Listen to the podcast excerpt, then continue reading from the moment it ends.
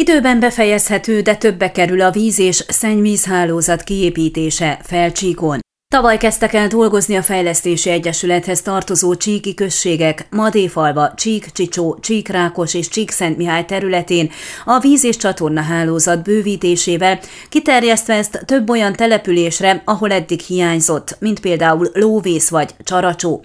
Az Egyesület 2017-ben nyert 16 millió lejes támogatást az Országos Vidékfejlesztési Program pályázati kiírásán, de a közbeszerzési eljárások buktatói miatt jelent jelentős volt a késlekedés, az áremelkedések miatt pedig már korábban át kellett csoportosítani egyes költségeket ahhoz, hogy a résztvevő községeknek ne kelljen jelentősebb önrészt biztosítani. A munkálatok jól haladtak, Szentes Antal projektfelelős szerint télen csak két hónapra kellett leállni, már februárban folytatni tudták a hálózatok kiépítését, így határidőre végeznek.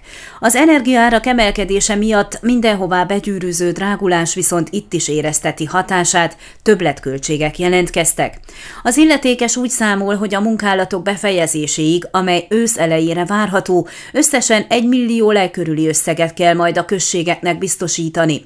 Mivel ennél a finanszírozásnál nem lehet igénybe venni a kormány által biztosított árkiegészítési támogatást, az Egyesület Hargita megyei tanácstól, illetve a kormánytól is igyekszik támogatást kérni, a helyi költségvetésben ugyanis ezek az összegek nem szerepelnek. Hitelfelvételhez, ha egy mód van, nem folyamodnánk, vázolta Szentes. A négy csíki község közül Csíkszentmihályon, illetve a hozzá tartozó Ajnádon és Lóvészen 7115 méter ivóvíz és 6106 méter szennyvízvezetéket kell elkészíteni, tűzcsapokat, illetve víztartályt is felszerelnek. Csicsóban és településein, Oldfaluban és Csaracsóban víz- és szennyvízhálózatot építenek és bővítenek, összesen 9650 méter vízvezeték és 7461 méter csatornahálózat készül.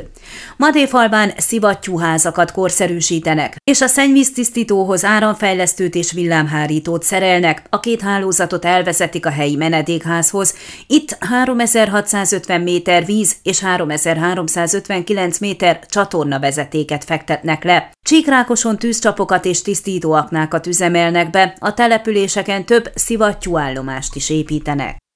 Ön a Székelyhon aktuális podcastjét hallgatta. Amennyiben nem akar lemaradni a régió életéről a jövőben sem, akkor iratkozzon fel a csatornára, vagy keresse podcast műsorainkat a székelyhon.pro portálon.